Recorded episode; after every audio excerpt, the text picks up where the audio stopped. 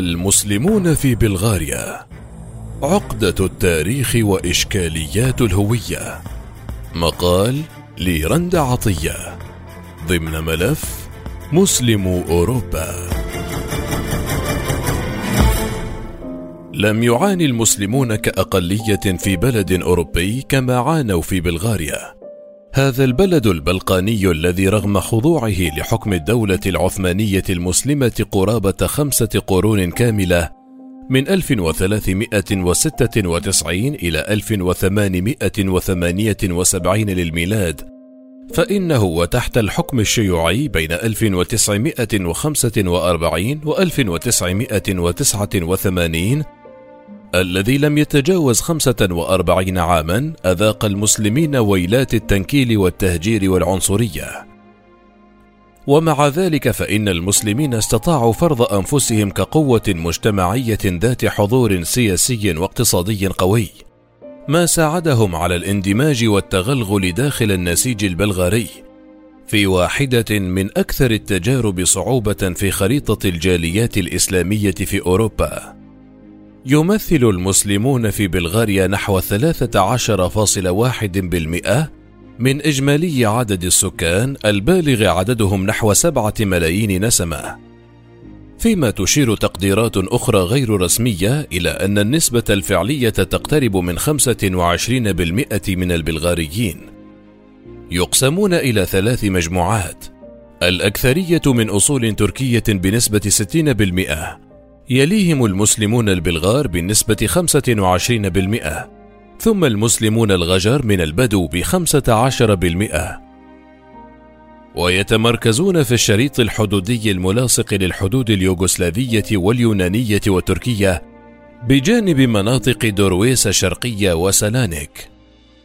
في هذا التقرير من ملف أوروبا المسلمة نلقي الضوء على تاريخ علاقة الإسلام في بلغاريا والحضور السياسي والمجتمعي للأقلية المسلمة في البلاد وعقدة التاريخ التي عانت منها السلطات البلغارية ودفع المسلمون ثمنها عشرات العقود. وصولا إلى أبرز التحديات التي تواجه مستقبل الملايين من أبناء الجالية المسلمة في هذا البلد. خمسة قرون تحت الحكم العثماني. عرف الإسلام طريقه إلى بلغاريا عن طريق الدولة العثمانية التي سيطرت على منطقة البلقان نهاية القرن الخامس عشر وبداية السادس عشر الميلادي. وظلت الدولة التي تنتمي إداريا إلى أوروبا الشرقية تحت الحكم العثماني 500 عام كاملة. استطاعت خلالها توسعة رقعتها الجغرافية حتى باتت إمارة كاملة تم الإعلان عنها رسميا عقب تدخل روسيا وتوقيع اتفاقية برلين عام 1878 لتتحول في عام 1908 إلى مملكة بلغاريا. وفي عام 1909 عقدت المملكة الجديدة معاهدة إسطنبول مع الحلفاء. وبعد خروج الدولة العثمانية من المنطقة إثر حرب البلقان بين 1912 و 1913 التي قتل فيها نحو مليونين ونصف مليون مسلم وأجبر نحو مليون آخرين على الرحيل إلى كل من تركيا واليونان.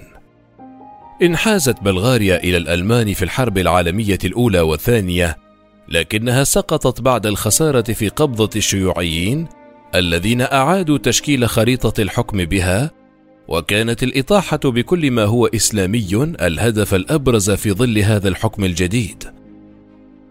الشيوعيون واستهداف المسلمين. ما إن أطبق الشيوعيون أيديهم على السلطة في بلغاريا بمساعدة الروس حتى مارسوا كل أنواع التعذيب والتنكيل بكل الأقليات الدينية وفي المقدمة منهم الأقلية المسلمة كونها ثاني أكبر العرقيات في البلاد. الأمر الذي دفع مئات آلاف المسلمين إلى النزوح للجبال. وهو ما مهد الطريق أمام أمير بلغاريا حينها فرديناند الأول بين 1861 و 1948 لينصب نفسه قيصرا على البلاد لمدة عشر سنوات تقريبا منذ 1908 وحتى 1918 كان الحكم تحت ولاية فرديناند حكما روميا أرثوذكسيا فأجبر المسلمون على تغيير أسمائهم الإسلامية إلى أخرى بلغارية أوروبية ما أثار حفيظة تركيا حينها.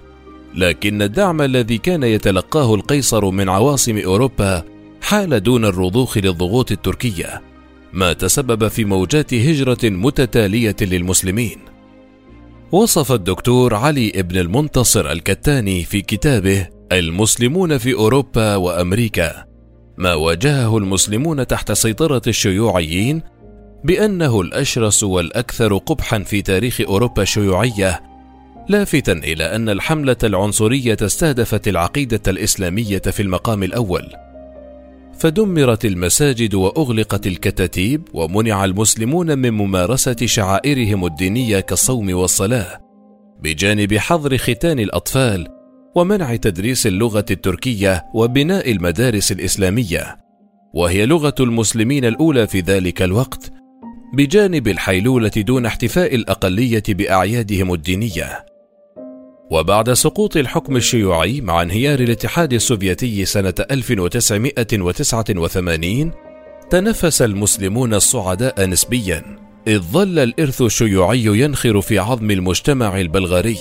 وإن قوبل بتحديات كبيرة وإصرار قوي من المسلمين على التمسك بالبقاء وممارسة طقوسهم الحياتية مهما كانت الضغوط الخريطة الديمغرافية والمذهبية يعتنق معظم المسلمين في بلغاريا المذهب السني الذي عززه الوجود العثماني خلال خمسة قرون كاملة.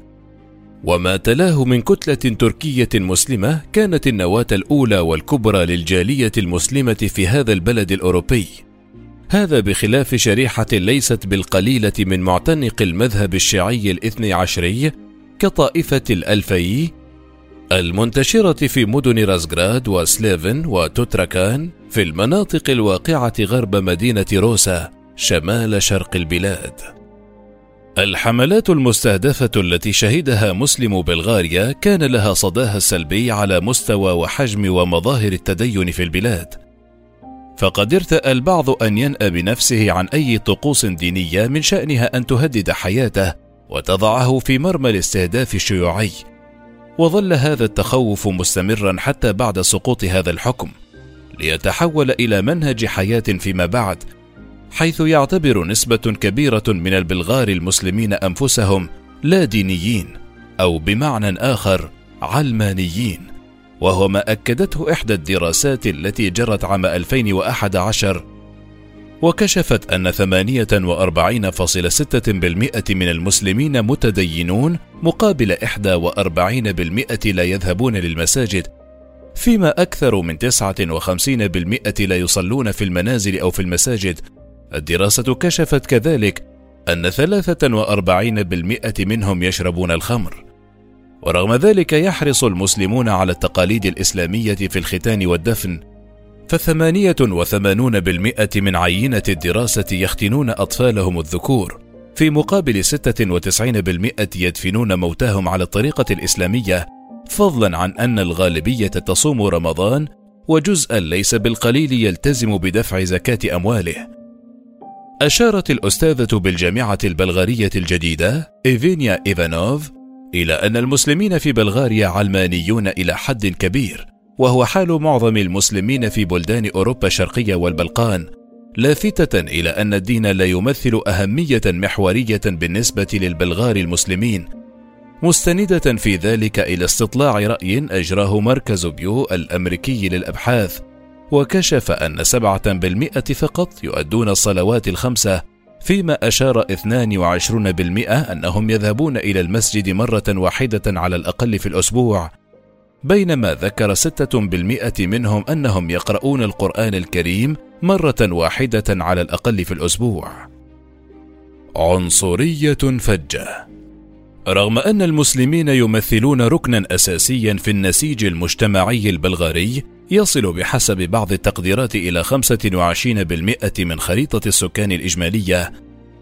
فإن العنصرية والكراهية الفجة تهيمنان على الخطاب السلطوي الموجهة لتلك الأقلية، وهو الخطر الذي حذر منه الكثير لما يترتب عليه من زيادة معدلات التطرف الإسلامي كردة فعل محتملة إزاء هذه السياسة الإقصائية.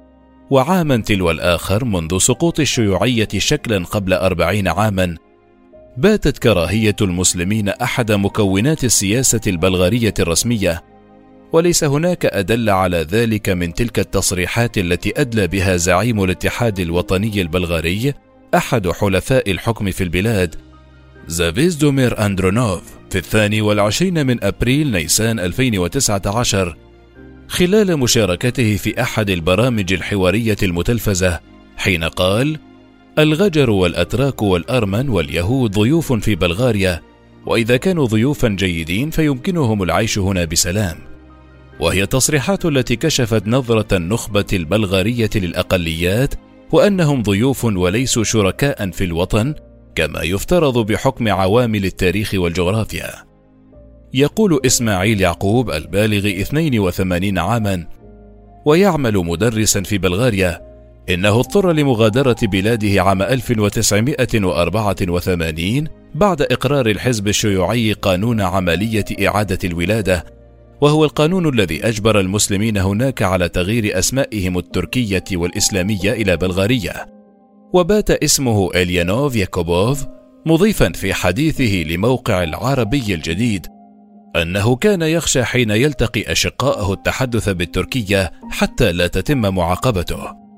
أما محمد كهرمان البالغ 66 عاما المولود في مدينة كرجال البلغارية والمقيم في تركيا منذ أواخر الثمانينيات فيرفض العودة إلى بلغاريا مرة أخرى لافتا إلى أنه لا يشعر هناك بالأمان وأن حياته مهددة بين الحين والآخر. منوها أن الساعة المركزية في مدينته كرجالي تعزف كل ستين دقيقة نشيدا عنصريا يعرف باسم نشيد إنقاذ بلغاريا من العثمانيين. ويرى أنه رسالة تحذير وإنذار لسكان المدينة ذوي الأكثرية التركية. الحضور السياسي والمجتمعي.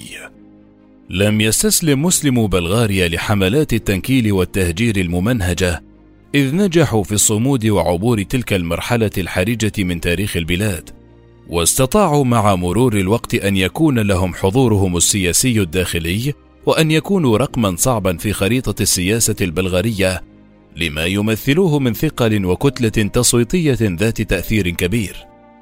البداية كانت عام 1990 حين تأسست حركة الحقوق والحريات مع بدايات الانفتاح الديمقراطي. تلك الحركة ذات التوجه الليبرالي التي تم تدشينها لتمثيل مصالح الأقلية التركية المسلمة في المقام الأول، ثم اتسع نشاطها لتشمل بقية الأقليات وتهدف إلى المساهمة في وحدة الشعب البلغاري على أسس المساواة والمواطنة بعيدا عن الخلفيات الدينية والأيديولوجية التي تعزز الانقسام. ومع مرور الوقت اتسعت رقعة الحركة حتى تحولت إلى حزب سياسي له أرضية جماهيرية كبيرة، ليصبح ثالث أكبر الأحزاب السياسية الممثلة في البرلمان البلغاري، وله تمثيل نسبي في السلطة الحاكمة، بعدما بات يمثل كل البلغار ويناهض مظاهر الشوفينية القومية. كما توجد العديد من الهيئات الإسلامية التي تخدم مصالح المسلمين وتراعي شؤونهم الدينية والاجتماعية. أبرزها دار الإفتاء والمجلس الإسلامي الأعلى والمؤسسة الخيرية لتطوير الثقافة بجانب مدارس تحفيظ القرآن الملحقة بالمساجد وعدد من معاهد تدريب الأئمة التابعة للأزهر الشريف. عقدة التاريخ وإشكاليات الهوية. تتمثل أزمة مسلم بلغاريا الكبرى في عقدة التاريخ التي تهيمن على التيار القومي الذي لا يتوانى عن رفع صوته العالي بين الحين والآخر محذرا مما يسميه المد الأخضر القادم من تركيا إذ يتهم الأقلية المسلمة بأنها امتداد الدولة العثمانية التي تسعى لاستعادة أمجادها مرة أخرى وعليه يجب مناهضة هذا المد بشتى السبل. في هذا الجانب يشير الباحث المتخصص بشؤون البلقان كريم الماجري في دراسة له نشرها مركز الجزيرة للدراسات. إلى تنامي هذا الخطاب في بعض دول البلقان مثل المجر وصربيا وكرواتيا وأنه وجد آذانا صاغية لدى الأحزاب السياسية الراديكالية في تلك الدول الأمر الذي انعكس بالسلب على واقع المسلمين.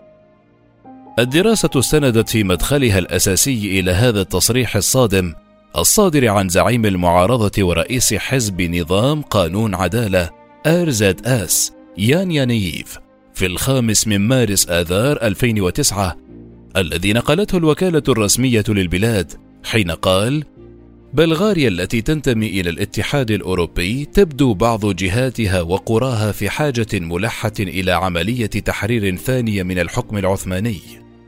متعهدا بالضغط على الحكومة الائتلافية البلغارية لوقف التمدد الإسلامي. وفي مقابل ذلك جاء رد رئيس الوزراء البلغاري المكلف مارين رايكوف في الثالث والعشرين من مارس آذار 2013 المسلمون جزء لا يتجزأ من الأمة البلغارية بقطع النظر عن انتمائهم العرقي والإثني.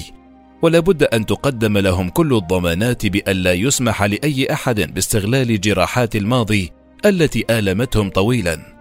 ليضفي شيئا من التوازن النسبي رغم تصاعد نفوذ القوميين على حساب المسلمين. وتمثل أزمة الهوية أبرز التحديات التي تواجه الجالية المسلمة في بلغاريا إذ إنها تعاني من عدم تجانس مذهبي كونها مقسمة بين سنة وشيعة هذا بخلاف التمايز الاجتماعي الناجم عن تأرجحها بين الريف والمدن رغم أن الغالبية تقطن الريف والأماكن الحدودية. وفي السياق ذاته فإن الأقلية المسلمة هناك ليست متجانسة اقتصاديا بحسب الدراسة. فبينما يحيا قطاع ليس بالكثير حياة مرفهة ويقطن أماكن ذات خصوبة زراعية واقتصادية جيدة كما هو الحال في مناطق دبروجا المعروفة بإنتاجها الغزير من القمح يعاني قطاع آخر من الفقر الزراعي كمنطقة الرودوب فيما يعتمد سكان الشمال على إنتاج التبغ. وهكذا في ظل عدم وجود رؤية موحدة بين جميع التيارات والمذاهب. الأمر الذي انعكس بطبيعة الحال على قوة وثقل المسلمين في بلغاريا.